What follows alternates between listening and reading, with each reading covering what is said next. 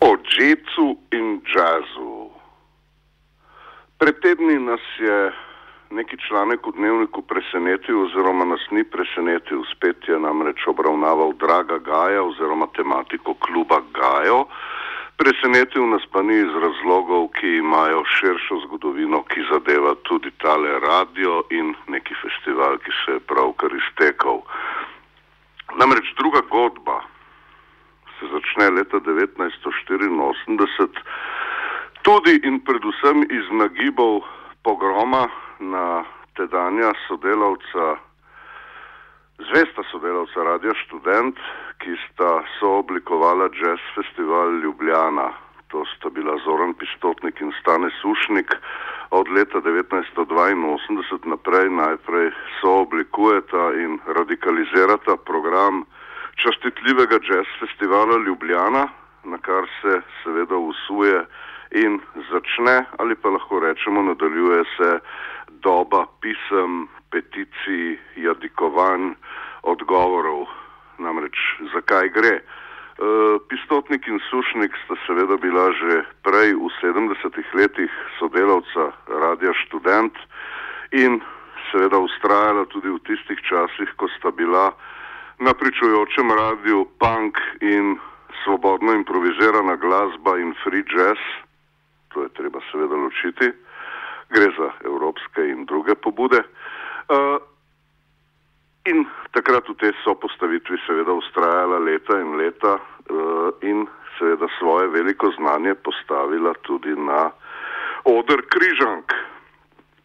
Začne pa se seveda udarec, ki je zadeval predvsem neko drugo radijsko postajo, tako imenovani Veliki radio, tedajni Radio Ljubljana ali pa RTV Ljubljana, torej Radio in Televizija Ljubljana, sta se skupaj z nekimi društvenimi pobudami zbrala in minirala to vrstno pobudo eh, in seveda postavila jazz spet tja, kamor poslovencelsko gre, torej v sfero nekega predvidljivega sredinskega mainstream jazza. To samo po sebi seveda ne bi bilo nič narobe.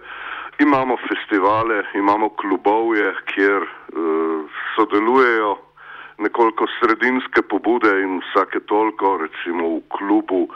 na en teden, na deset dni, pa si dovolijo kakšno slaščico za tiste največje uh,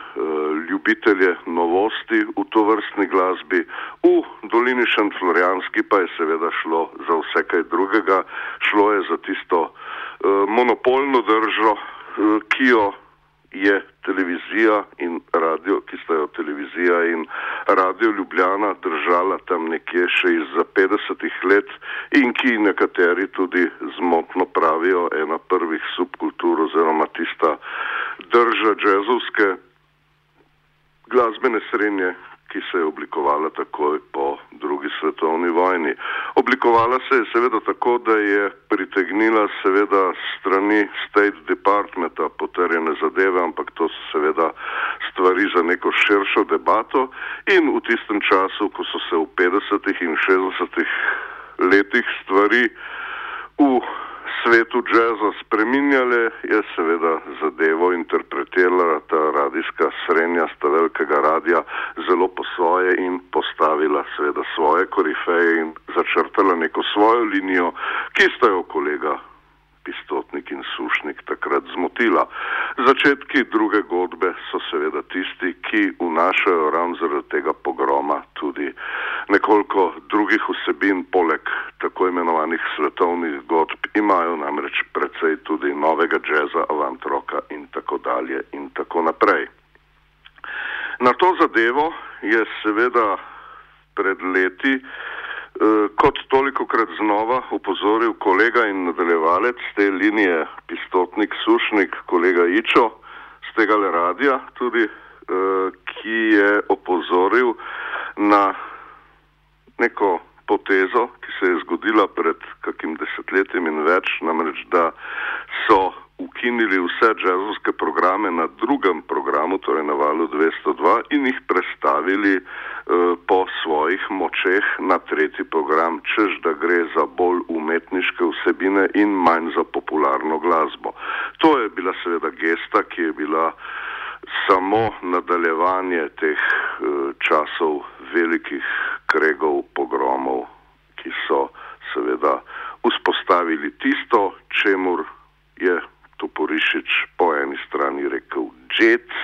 da je stvar treba pisati fonetično in nekako v času, ko je ta džet, torej DŽEC,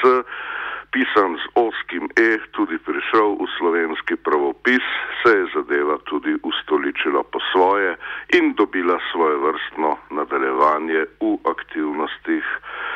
jazz kluba, imenovanega jazz kluba Gajo. Namreč ta isti Gajo uh, se je seveda spet oglasil, tokrat uh, z tezo, da mu alternativna kultura jemlje sredstva za njegov jazzovski klub, ki je popolnoma obubožen in je obsojen na delovanje nekje na vrtu Društva slovenskih pisateljev oziroma pri Maxi Marketu. Stvar seveda bi lahko dobila neke folklorne nagibe in jih je tudi imela, če ne bi bila precej resna še v nekem drugem smislu. Namreč, uh, zakaj je sploh prišlo do te objave? Zakaj dnevnik in njegov novinar objavita to ravno v tistih dneh med jazzom crkno in drugo godbo in zakaj to objavita ravno v času, ko visi na nitki usoda dveh piscev, ki se tam ukvarjata z drugačno glasbo, od katerih vsaj eden tudi z jazzom, pisano izverno, torej J-A-Z-Z. Eh, ko visi ta usoda na nitki, se pojavi ta članek, čež da je ubogemu človeku alternativna kultura pobrala vse denar in da ga ni upoštevala pri razpisih. Pri subvencioniranih seveda imamo takšne in drugačne razloge, veliko je upravičenih, veliko je tistih, ki so seveda ostali na suhem. Povsem po krivici pri Gaju gre za nekoliko drugačno zgodbo. Namreč eh, gre za človeka, ki je kljub subvencijam, kljub temu, da je imel še njega dni na Betovnovi svoj šank, eh, bolj poskrbel za dobro voljo poslank in poslancev in za slovensko literarno sceno kot za karkoli džezovskega. Namreč, kot imamo zabeleženo v zadnjem letu, pred kako petletko, ko je dobival sredstva mestne občine Ljubljana, predn so mu v času ministrovanja, pardon, načelovanja dr. Uroša Grilca uh, vzeli domovanje na Betovnovi, je s kakimi 77 tisoč evri letno izvajal program, ki je bil večji del, večji del omejen na študentske jam sessione v ponedeljkih, sicer pa so tam prirajali Eh, tiskovne konference, literarne večere, kar samo po sebi ni nič napačnega, to da o samem jazzu in o poslovanju jazzovskega kluba, kot bi si ga tudi sam želel, oziroma kot sam Gajo pove, da naj bi ga imelo vsako pošteno glavno mesto, Ljubljana ga pa nima, seveda ni bilo ne duha, ne sluha.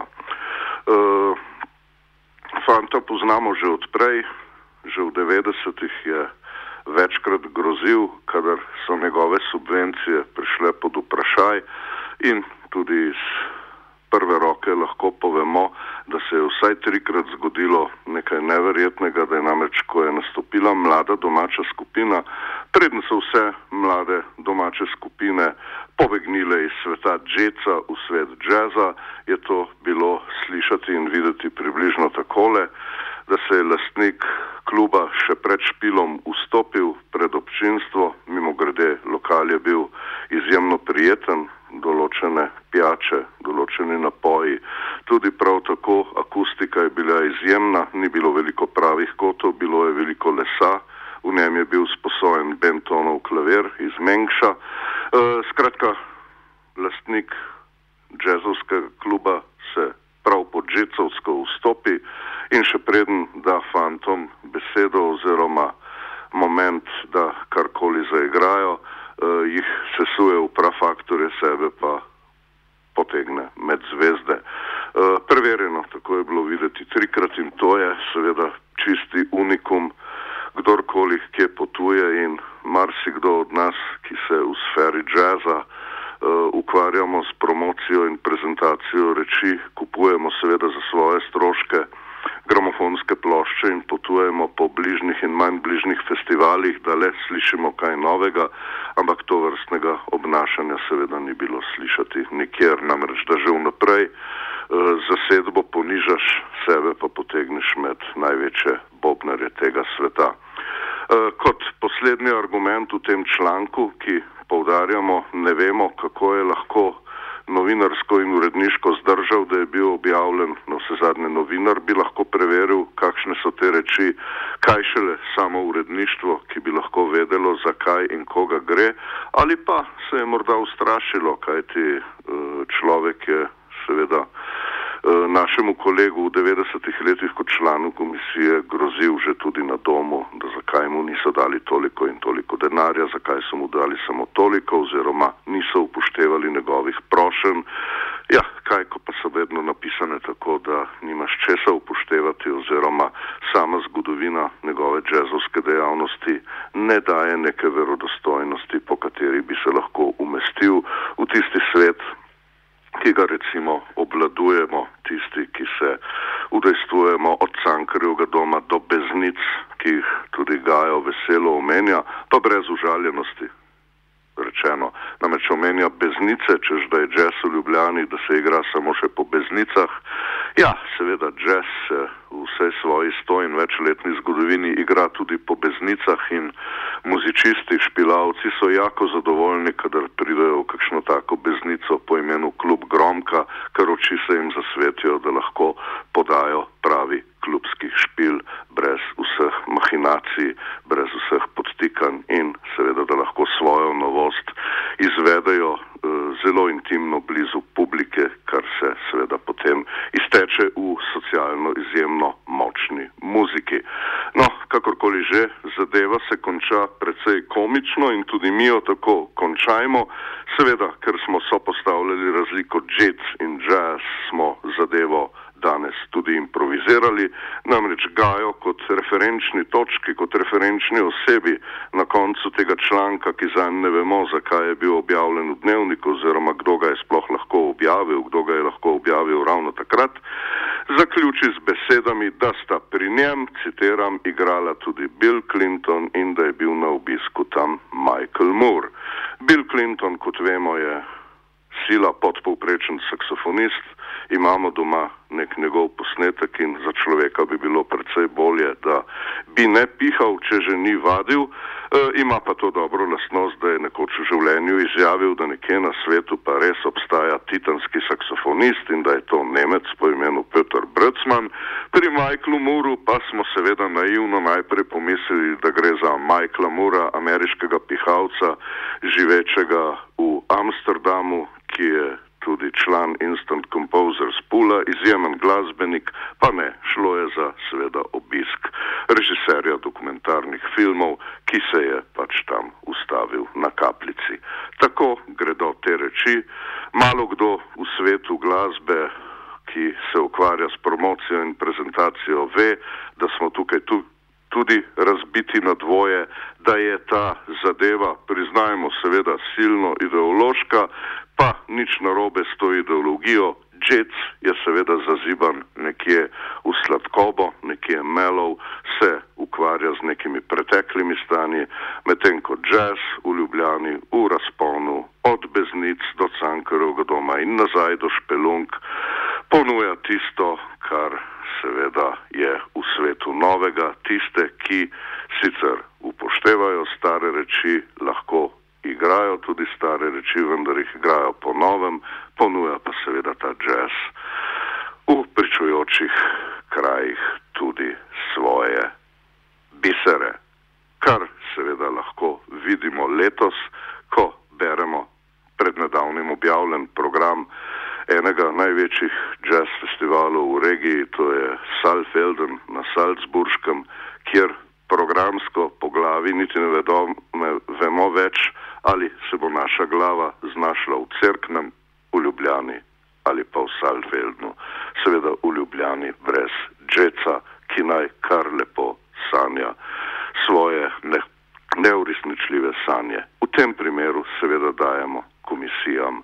jako prav. Gre za monopolizem nad starimi stanji stvari. Srečno.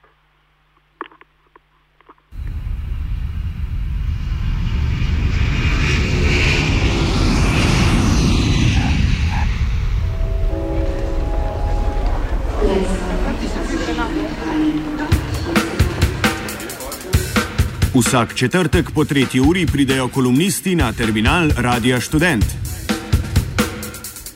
V terminalu vedno različni, nikoli isti, reš kolumnisti.